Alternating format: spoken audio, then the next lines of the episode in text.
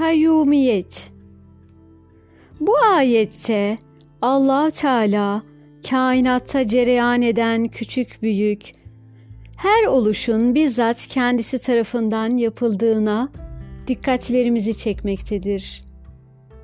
Mikro ve makro alemde ve insan dahil bütün canlıların bedenlerinde meydana gelen her türlü fiziksel, kimyasal olaylar onun bizzat kendisi tarafından gerçekleştirilmektedir. Bu meyanda onun her yerde hazır ve nazır olması ve her şeye bizzat müdahale etmesi, yaratıcı olmasının gereğidir.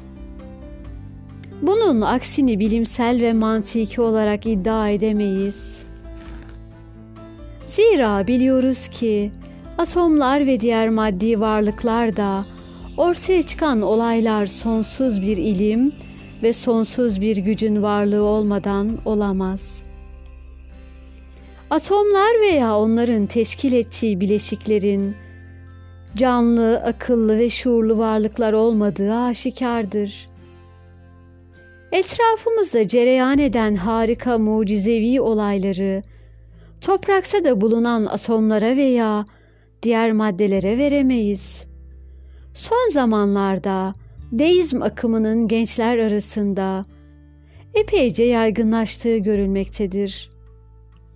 Buna göre Allah varlıkları yani atomları yaratmış ve onlar arasına bir kanunlardan oluşan bir sistem koyarak kenara çekilmiş ve artık müdahale etmemektedir.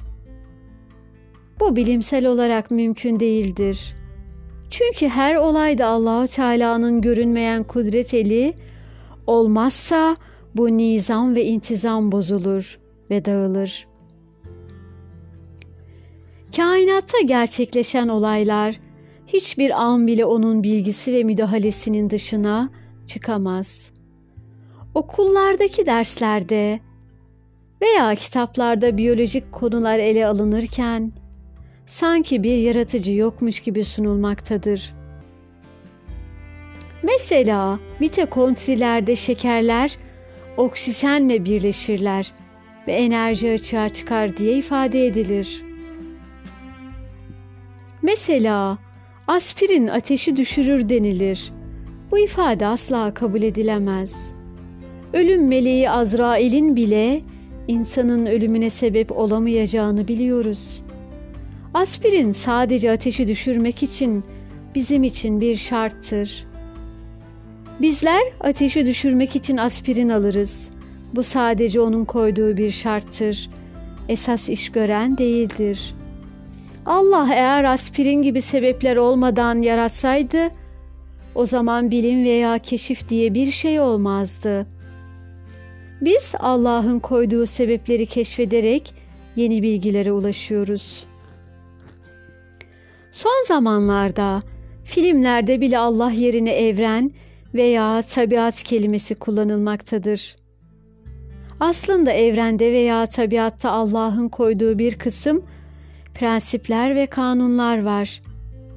Ancak onlar kendi başlarına çalışamazlar. Onların ortaya çıkması için her şeyi gören ve işiten ve her şeye gücü yeten bir yaratıcıya ihtiyaç vardır.'' Kanunların bizzat tatbiki Allah tarafından yapılır. Buna bir başka ifadeyle kayyumiyet denir. Belki de tabiat kanunları yerine tanrı etkisi gibi bir terim daha bilimsel ve doğru olur diyebiliriz. Burada ifade etmeye çalışılan tanrı etkisine İslam literatüründe sünnetullah, şuun ilahi veya şuunat denilmektedir.